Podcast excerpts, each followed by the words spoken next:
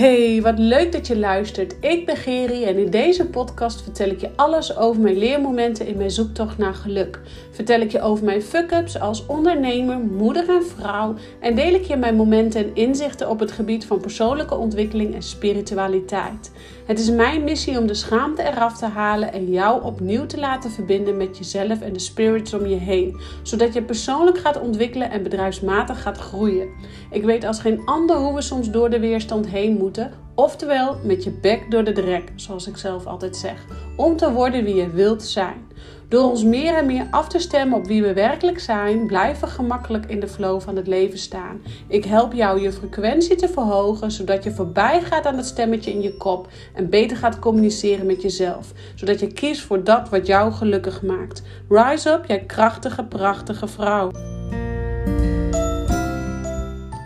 Ja, wat super goed dat je luistert. En um, ik voelde nog even. Het is het einde van mijn werkdag. Het is al s'avonds. Ik zit nog even lekker buiten. Uh, en ik voelde in één keer een enorme inspiratie om een podcast met je op te nemen. Dus um, en ik zeg dan dat zo leuk om een podcast met je op te nemen. Want ik stel mezelf dan ook zo voor dat jij als luisteraar dus luistert naar mijn podcast. En uh, dus ik voel ook altijd dat ik het voor jullie doe en nooit alleen deze podcast opneem. Dus vandaar dat ik ook zeg. Uh, ik had de behoefte om dus nog een podcast met je op te nemen. Want zo voelt het ook alsof ik het ook met jullie ook opneem. En misschien hoor je de vogels op de achtergrond. Uh, ik heb sinds uh, zondag een app en dan kun je dan die kun je aanzetten, een vogel-app. En dan kun je dan horen welke vogels uh, die hoort dan, of die filtert dan eigenlijk het geluid van de vogels. En die kan jou dan vertellen welke vogelsoorten dat zijn. En dat is zo leuk. Dus ehm, de vogel die je nu hoort is de gierzwaluw. Nou, het is maar even dat je het weet. zoals je weet hou ik gewoon heel erg van de natuur. En in de natuur kan ik mezelf echt uh, helemaal hervinden en herpakken. En uh, zo ook even lekker buiten zitten. Uh, even te genieten van de avondlucht. ook al is het bewolkt, it doesn't matter. maar ook dus te genieten van de vogeltjes, van de vlindertjes en zometeen de vleermuisjes die gaan komen. En ik zag net al een vleermuisje en dat realiseerde me eigenlijk dat ik als klein meisje, um, nou, eigenlijk al heel jong al de behoefte had om, een droom ook had, en die heb ik nog steeds, om op het podium te staan. En op het podium te staan als klein meisje stond ik dus al, uh, waar die vleermuis mij aan deed denken, Um, gingen we met, vroeger met de hele gezin gingen we op vakantie. Met, en samen met nog een ander stel, familie. Uh, mijn oom en tante en uh, neef en nicht. En dan gingen we naar een huis in België, in de Ardennen. En uh, daar was natuurlijk wat lager gelegen, dus het was natuurlijk ook eerder schemerig. En nou, ik denk dat ik dus een jaar of zes, zeven was. Dat was ook het huis waar ik mijn eerste spirituele herinnering heb. Mijn, mijn ervaring met overleden dierbaren, mijn eerste herinnering. En, uh, maar ook, ik denk dat wij een aantal jaren achter elkaar naar dat huis op vakantie gingen. En um, dat huis, daar, daar gaf ik dus altijd rond de avond, rond de schemering, een vleermuizenshow. Dus daar is eigenlijk mijn, ik ga er zo dieper op in hoor, maar daar is eigenlijk mijn droom ontstaan om uh, um, uh, op het podium te staan. En ik gaf daar dus in de schemeravond een vleermuizenshow. En ik ging dan uh, kaartjes maken. En uh, dan had je zo'n perforator.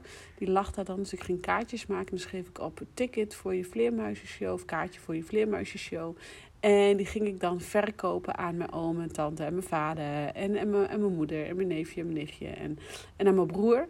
En dus ik ging die kaarten verkopen. En ik verkocht ze dan ook. Ik kreeg daar ook echt geld voor. En... Um, uh, ik ging dan, uh, nou dan werd het schemerig en ik, ik, verkocht die kaartjes dus al overdag. En ik kan me die energie nog zo weer naar boven halen, want ik verkocht die kaartjes dus zo overdag. En um, uh, daar kreeg ik dus wat geld voor, echt 5 cent en, of, of 10 cent of een keer een kwartje, weet je wel. En Um, nou, dan s'avonds, dan was het denk ik een uurtje of 7, 8, misschien wat later. Je mocht natuurlijk opblijven, want het was vakantie. En nou, dan was het dus schemerig en dan kwamen de eerste vleermuizen. En dan zei ik ook echt zo, nou, uh, of mijn nicht zei dat, ik weet niet meer, maar kon het nog herinneren in ieder geval van, hier is Gerry met haar vleermuizenshow. Nou, en dan had ik natuurlijk echt, uh, stond ik daar uh, te paraderen, de rest zat eromheen buiten en ik stond daar gewoon zo'n vleermuizenshow te geven. En daar is er weer een en daar ziet die mooie. Nou ja, ik was dus, dat was Gerry met de vleermuizenshow. En daar is eigenlijk mijn... Um, plezier, mijn joy ontstaan. Um, om op het podium te gaan staan. En nooit echt uh, besef gehad van dat dat later in mijn leven ook, ook uiteindelijk uh, een droom nog steeds zal zijn om een groot podium te vullen. Uh, of een zaal te vullen, op podium te staan. En daar mijn nou ja, spirituele readingen te gaan geven. Dus die gaat er aankomen. Um, en ook al vrij vlot, als ik het zo mag voelen en ervaren. Maar dat is eigenlijk een droom die dus als klein meisje al ontstond. En uh, waar ik uh, ook in, in de basisschool uh, hadden wij ieder jaar een playback show van school.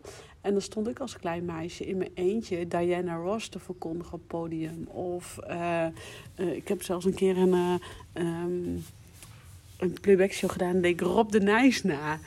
Um, ik kan me zo nog, zo goed herinneren, maar het maakte me helemaal niet uit wat ik deed. Als ik maar op dat podium stond, jaar in, jaar uit. En ik heb ook met de vriendinnen, met de vriendinnenclub de Spice Girls gedaan. En weet ik allemaal niet wat. Als er een playback show te doen was, dan deed ik altijd mee.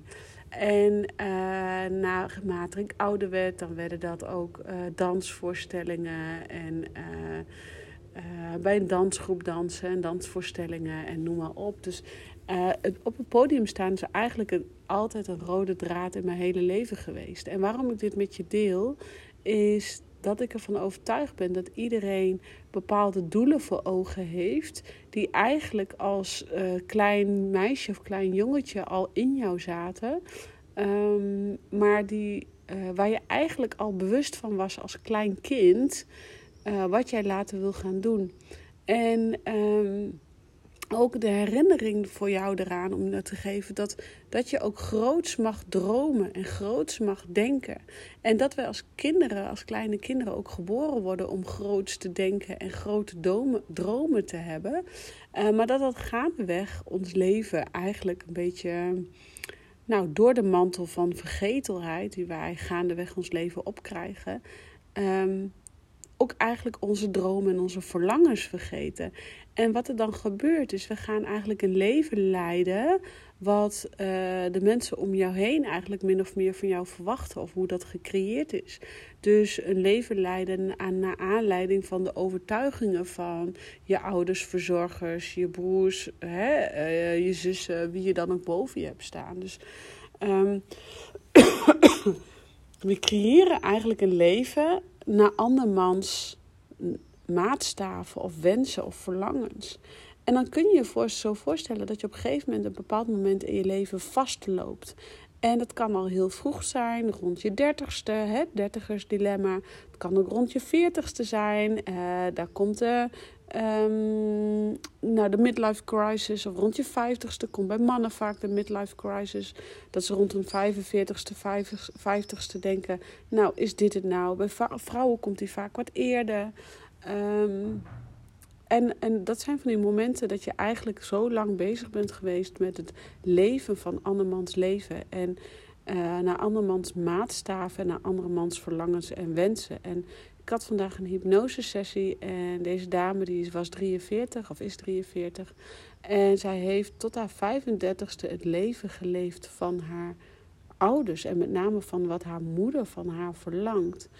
En nu in één keer mag zij een eigen, rond haar 35ste realiseerde ze zich dat zij een leven mag leven, leven wat zij eigenlijk wil en niet meer wat haar ouders van haar verwachten.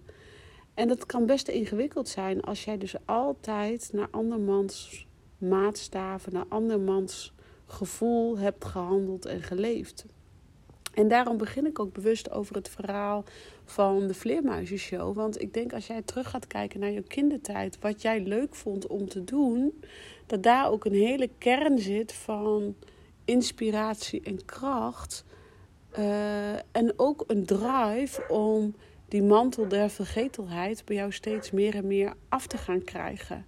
Uh, af te gaan doen en af te gaan zetten, zodat jij meer jouw leven gaat leiden wat bij leven wat bij jou past en wat bij jouw wensen en verlangens past. En dus ga eens terugkijken in jouw kindertijd. Ga eens kijken in jouw kindertijd um, wie jij was en wat jij verlangde. Ik bijvoorbeeld, ga eens ook eens kijken wat je graag speelde. Uh, ik, ik bijvoorbeeld persoonlijk speelde vroeger geen vadertje en moedertje. Ik vond het verschrikkelijk met die poppen. Uh, waar mijn vriendinnen allemaal met poppen waren aan het spelen en de luien verschonen. En ik vond het echt helemaal niks aan. Nee, ik speelde um, dus geen vadertje en moedertje. Ik speelde uh, boekenschrijvertje en ik speelde ondernemertje. Ik speelde altijd ondernemertje en ik droomde ervan dat ik een bedrijf had, dat ik aan de telefoon was en zelfs een, secretaresse had die de telefoon opnam. En ik zat dan altijd stiekem achter mijn vaders bureau, mijn vader had dan een eigen bedrijf en een bureau op een kamer die over was. Je kent het wel, zo'n waskamer.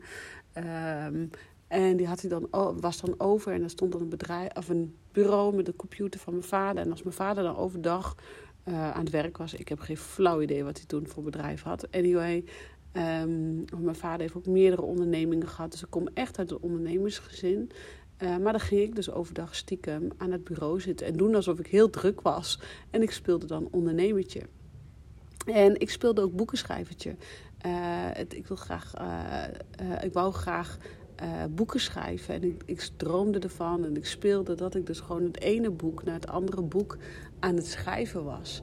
En um, nou ja, dat zijn allemaal dromen die ik dus nu aan het waarmaken ben. En uh, met deze podcast, ik, ik, uh, nee, laat ik zo zeggen, ik heb mijn hele leven gehoord dat ik dyslexie heb. En daar ben ik behoorlijk voor afgekeurd. op de basisschool waar een leraar echt met een rode potlood en een liniaal ehm, mijn werk zat door te strepen en gewoon boos werd op mij omdat ik hem gewoon echt niet begreep. En ik begreep het gewoon ook. Ik snapte er gewoon geen zak van. Uh, maar goed, ja, dat was echt wel in groep drie een hele vernedering voor mij. En toen dacht ik, ja, nou, daar is die mantel van vergetelheid omtrent het boeken schrijven gewoon enorm om, omgekomen, om mij heen gekomen omdat ik, uh, ik vond schrijven en met name verhalen. Ik kan me nog herinneren dat je dan taalles had.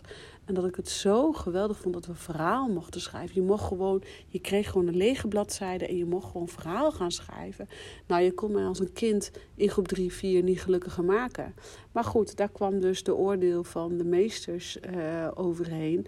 Uh, dat de D's en de T's niet klopten en dat de letters niet klopten en noem maar op. Nou ja, ik ga je niet langer um, uh, lastigvallen met, met mijn schooljeugd. Maar wat ik daarmee wil zeggen is dat we daar dus zo allemaal, ik geloof iedereen op zijn eigen manier, uh, deksel op de neus hebben gekregen.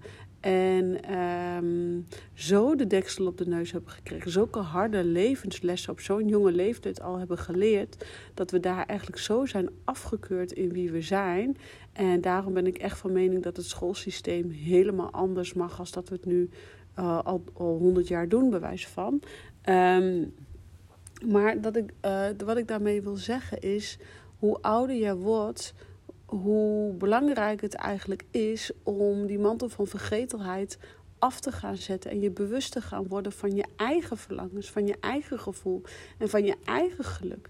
En, dat, en als je dan, hoor ik ook heel vaak de vraag, ja, maar ik weet niet wat me gelukkig maakt. Of ik krijg dan heel vaak, ja, maar hoe dan?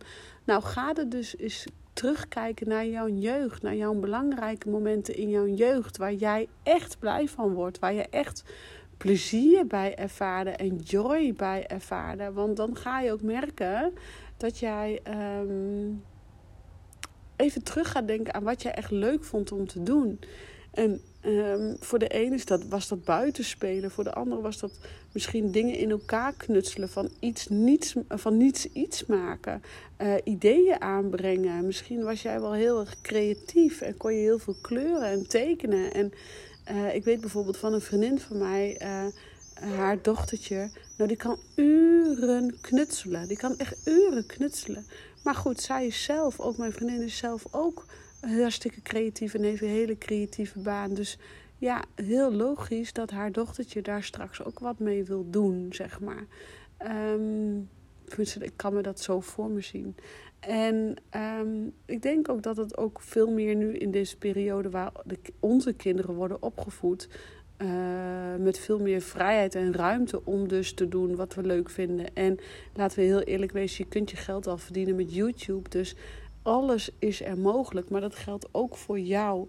En um, wat ik daarmee wil zeggen is: gun jezelf de ruimte om die mantel van vergetelheid af te zetten en te gaan ontdekken wat het is wat jij nu echt leuk vindt in het leven om te doen.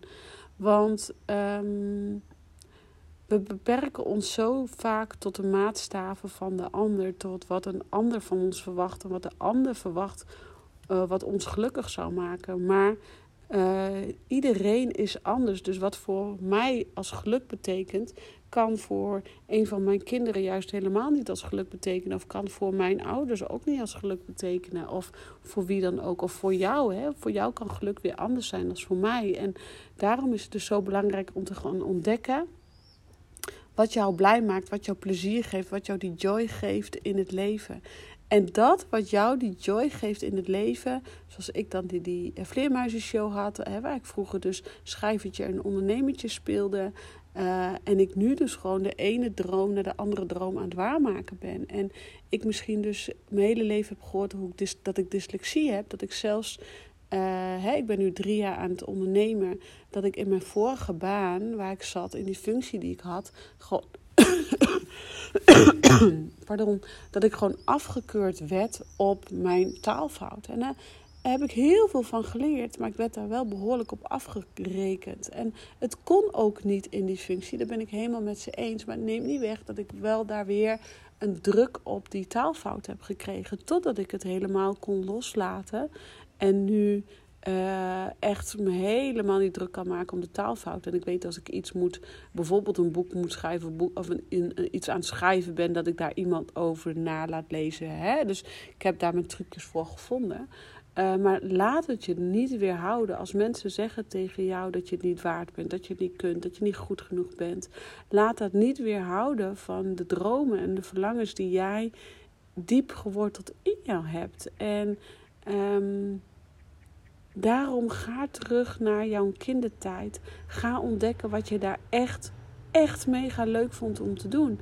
En dat ligt vaak in de periode dat jij op de basisschool zat. dus onder die tien jaar en het liefst eigenlijk nog verder terug. Maar vaak uh, zit het hem onder die eerste tien jaar, de eerste tien levensjaren. En ja, de beste is als jij daar herinneringen op kunt halen uit de eerste zes levensjaren. Maar ik kan me ook zo voorstellen dat dat niet mogelijk is, omdat uh, je daar um, nou, dus ook trauma's op hebt liggen die je niet fijn vond. En daardoor bedekken we vaak die periode met een hele laag, een dichte, dikke laag uh, mantel van vergetelheid. Dus um, daar kan je natuurlijk met hypnose ook heel goed achter komen. Maar ook zelf door bijvoorbeeld foto's terug te kijken van vroeger. Ga eens in de, in, in de fotoalbums kijken uh, van vakanties of van uh, de tijd. Hè, ga, ga eens gewoon foto's terugkijken. En kom dan weer even in die herinnering van wat jij vroeger leuk vond om te doen. Wij speelden vroeger in de buurt, speelden wij dan ook altijd toneeltje. En dan, wie stond er natuurlijk weer uh, op dat podium, toneel? Ja, dat was ik. Ik gaf wel weer die voorstelling. Of ik gaf wel weer een dansvoorstelling. En mijn ouders moesten echt tot in den treuren uh, kijken naar mijn voorstellingjes die ik weer had bedacht. Dus um, wat ik jou wil meegeven in deze podcast duik eens even die fotoalbums van vroeger in. En als je die niet meer hebt, of die zijn er niet, of wat dan ook, ga dan eens met mensen om je heen praten die jou kunnen helpen om even terug te gaan naar deze jeugdherinneringen.